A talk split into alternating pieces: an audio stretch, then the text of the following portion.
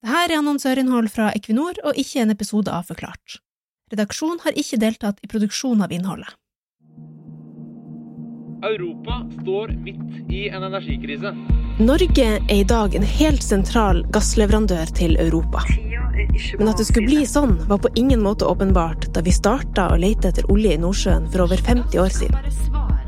Historien om norsk gass er nemlig delvis et resultat av tilfeldigheter og teknologiutvikling. Men også en rekke framsynte og kloke politikere. Deriblant en jernbanearbeider fra Nord-Norge.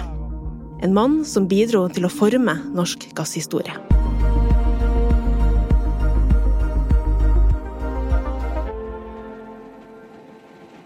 På togstasjonen i Narvik i 1965 går en jernbanefullmektig med navnet Rolf Hellem fram og tilbake med raske skritt. Han kjenner både Narvik og jernbanen ut og inn. Hele sitt liv har Rolf sett de tunge malmtogene komme fra Kiruna i Sverige, fullasta med jernmalm, før de skippes videre fra havna og togene returnerer tom tilbake. Det er rundt denne havneindustrien og malmtransporten at Narvik ble bygd opp. Rolf, som også er politiker i Arbeiderpartiet, har alltid vært opptatt av disse sammenhengene mellom industriutvikling og lokalsamfunn. Det er noe han skal få god bruk for de neste årene. Rolf er nemlig valgt inn som stortingsrepresentant, og nå reiser han til Oslo. På midten av 60-tallet, når Rolf for første gang går inn på Stortinget, deles også de første letekonsesjonene ut for Nordsjøen. Ingen vet ennå om det finnes olje og gass utenfor norskekysten, men mulighetene for en ny industri inspirerer Rolf og mange andre på denne tida. De neste årene leser Rolf alt han kommer over av informasjon om olje og gass. Han diskuterer muligheter og utfordringer med de som vet mer enn han, enten det gjelder havrett og juss, eller historie, geologi og politikk. Og så en dag. I think we got an oil discovery here. Høsten 1969 blir det funnet et stort oljefelt ute i Nordsjøen. Ekofiskfeltet. Dermed går startskuddet for det norske oljeeventyret. Med funn av store naturressurser som olje og gass er ikke ensbetydende med at nasjonen som eier ressursene, drar nytte av det. Hjemme på hybelen sin i Oslo, blant bøker og saksdokument, sitter jernbanemann og politiker Rolf og skriver på ei liste. Denne lista skal etter hvert bli et av de viktigste dokumentene for norsk olje- og gasspolitikk, og vil bli kjent som de ti oljebud. Det er de førende prinsippene og retningslinjene for hvordan de nye naturressursene skal komme det norske folk til gode. Når det kommer til gass, er det spesielt to av disse budene som skal vise seg å bli særdeles viktig. Det ene budet handler om forbud mot å fakle, altså brenne gassen i Nordsjøen.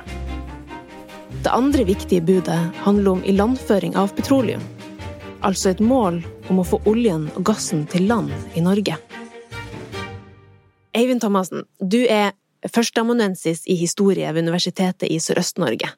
Og du har blant annet skrevet bok om Equinors historie gjennom et forskningsprosjekt ved Universitetet i Oslo, som, har, som skal utgis nå til høsten. Hvorfor er det så viktig for politikerne å få oljen og gassen til land i Norge? Ja, dette For politikerne tidlig på 1970-tallet så handler det om industribygging, først og fremst. Å få oljen og gassen i land til Norge, sånn at man kan bygge industri basert på videreforedling av olje- og gassressurser. Det er raffinerier, det er snakk om petrokjemisk industri, fremstilling av plast osv., som man er veldig opptatt av.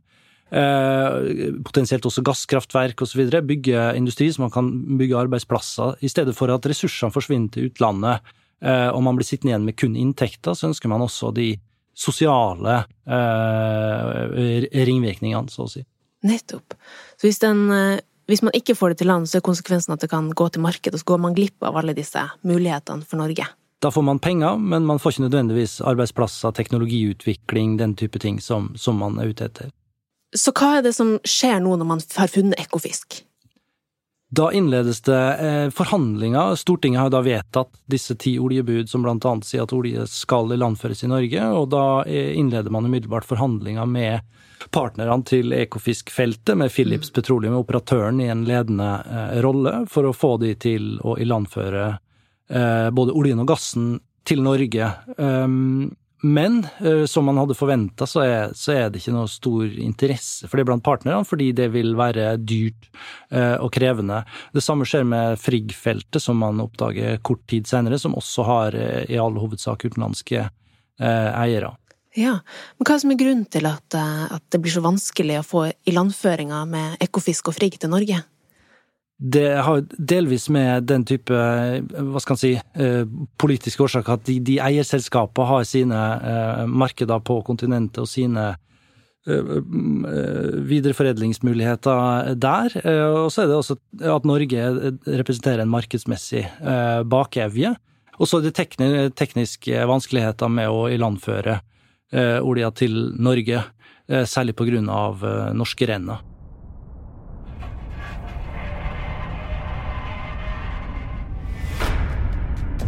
Rett utenfor Fastlands-Norge går det i flere hundre meter dyp renne. Norskerenna. Den undersjøiske kløfta nede på havbunnen er flere hundre meter dyp og flere hundre kilometer lang. Renna ligger som ei vanvittig vollgrav nedsunket i havbunnen og skiller Fastlands-Norge fra oljen og gassen langt ute i havet. Å krysse Norskerenna må gjøres med rørledninger men på 60- og tidlig 70-tallet så blir det ansett som nærmest teknologisk umulig, og ikke minst dyrt.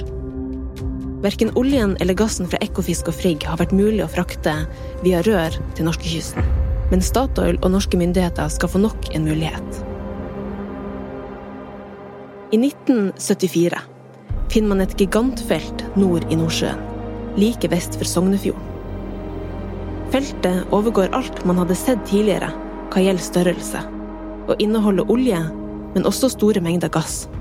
Og feltet heter Stadfjord. Eivind, hva er det som gjør Stadfjord så interessant for ilandføring via rørledninger?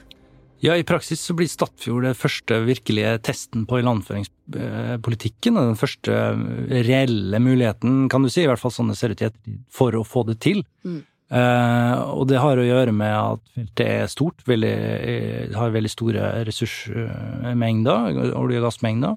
Uh, det har litt med beliggenheten å gjøre, at dette, i motsetning til Ekofisk eksempel, som ligger helt, helt sør på norsk kontinentalsokkel, så ligger Statfjord i det nordlige Nordsjøen. Det er ikke like opplagt hva som er um, Shetland er nok det nærmeste landføringsstedet, men det er også et, et litt sånn en, en bakevje markedsmessig. Eh, så Norge er ikke et så um, urealistisk eh, alternativ alt i alt, rent geografisk i hvert fall. Eh, og ikke minst så er det da det første, det første viktige feltet der, der det statlige oljeselskapet Statoil har, har en stor eierpost og er største partnerselskap. Det er Mobil som er operatørselskap for Statfjord, men med Statoil i en helt spesiell, spesiell partnerrolle. Så det her kan bli den store svenneprøven. Skal man endelig klare å krysse norskerenna og få oljen og gassen til land? Nå går Statoil i gang med å lede et stort internasjonalt rørleggingsprosjekt for ilandføring, sammen med en rekke andre selskap. Det gjøres omfattende bunnundersøkelser langs kysten. Det gjøres tester og eksperiment med utstyr og prosedyrer for legging, nedgraving og reparasjoner av rørledninger på inntil 350 meters dyp. Men den oljen her, den kommer aldri i noen rørledning, Eivind. Hvorfor det? Det man hadde sett for seg da man begynte med ilandføringspolitikken tidlig på 1970-tallet, var jo at olje og gass, både olje og gass, skulle ilandføres i rør. At det var den mest hensiktsmessige måten å ilandføre på. Og så eh, man holdt man på samme tid på med å utvikle det som kalles bøyelastingsteknologi, altså at man fører olja eh, over i en lagertank som det så kan komme tankskip og, og tappe, og så føre til markedet eller til raffinerier. Og det, dette var under full utvikling da Nordsjøen ble eh, åpna, og hadde kommet langt da Stadfjordfeltet ble ut, utvikla, eller eh, utbygd, på 1970-tallet. Eh, og det kom inn som et alternativ, eh, og man fant her at det var et billigere alternativ for for råolja eh, mm. enn å legge rørledning. Ja, så det blir ikke noe av den rørledninga? Nei, ikke for råolje. Men Statoil og Arve Johnsen, som er leder for selskapet, har tenkt lenger. Forskningsprosjektet har gitt ny og viktig kunnskap om både havbunnen og rørteknologien. Kunnskap som blir viktig når det i neste omgang skal dreie seg om gass.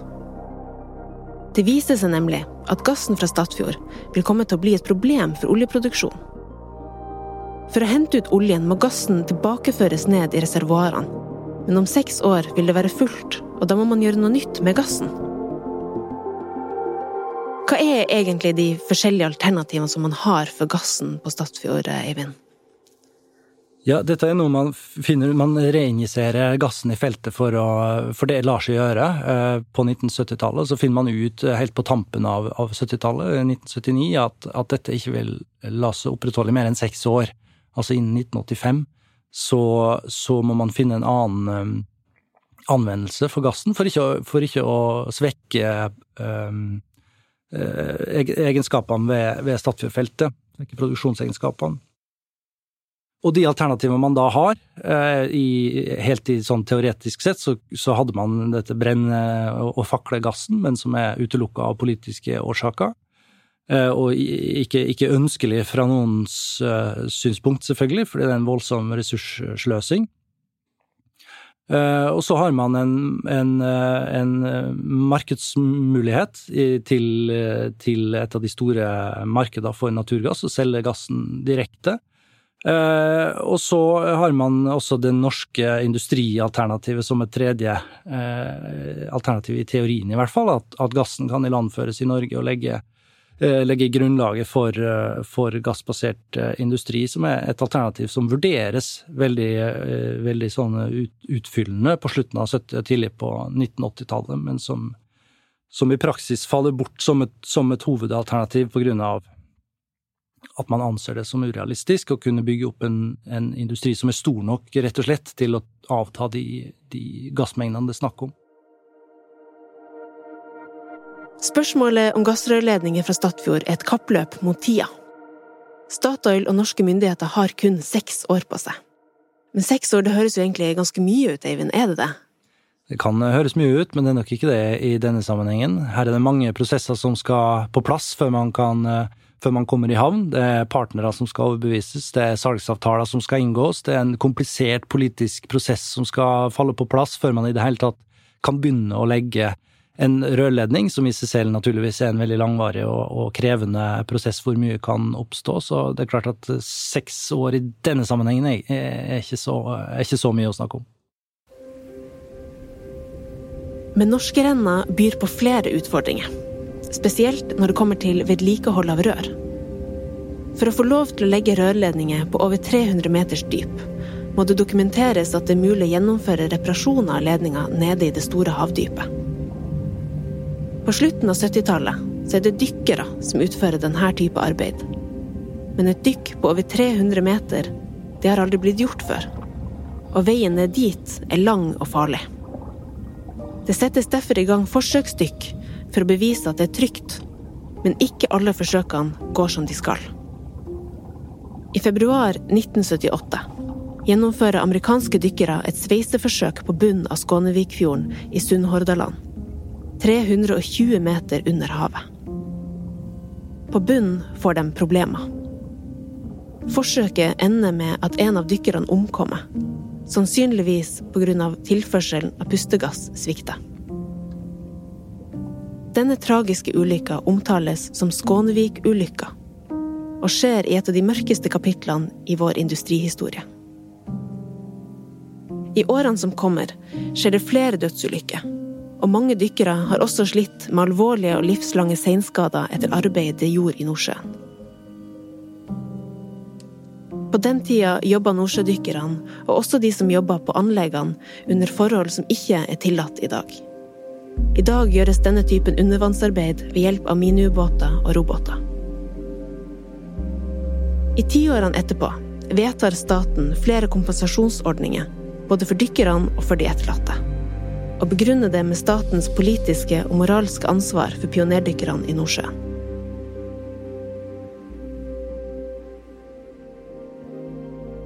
Forsøket på bunnen av Skånevikfjorden går galt. Men skal vi få gassen til Norge, må vi fortsatt kunne bevise at det lar seg gjøre å reparere rørledninger på 300 meters dyp. Så hva skjer egentlig nå? Fortsettelsen hører du i episode to, av kappløpet på havbunnen. Du har nå hørt den første episoden av Kappløpet på havbunnen. For å høre resten av miniserien kan du gå til podkasten Energinasjon Norge. Den finner du på Spotify eller Apple Podkaster. Du har hørt annonsørinnhold fra Equinor, produsert av Try. Aftenpostens redaksjon har ingen rolle i produksjon.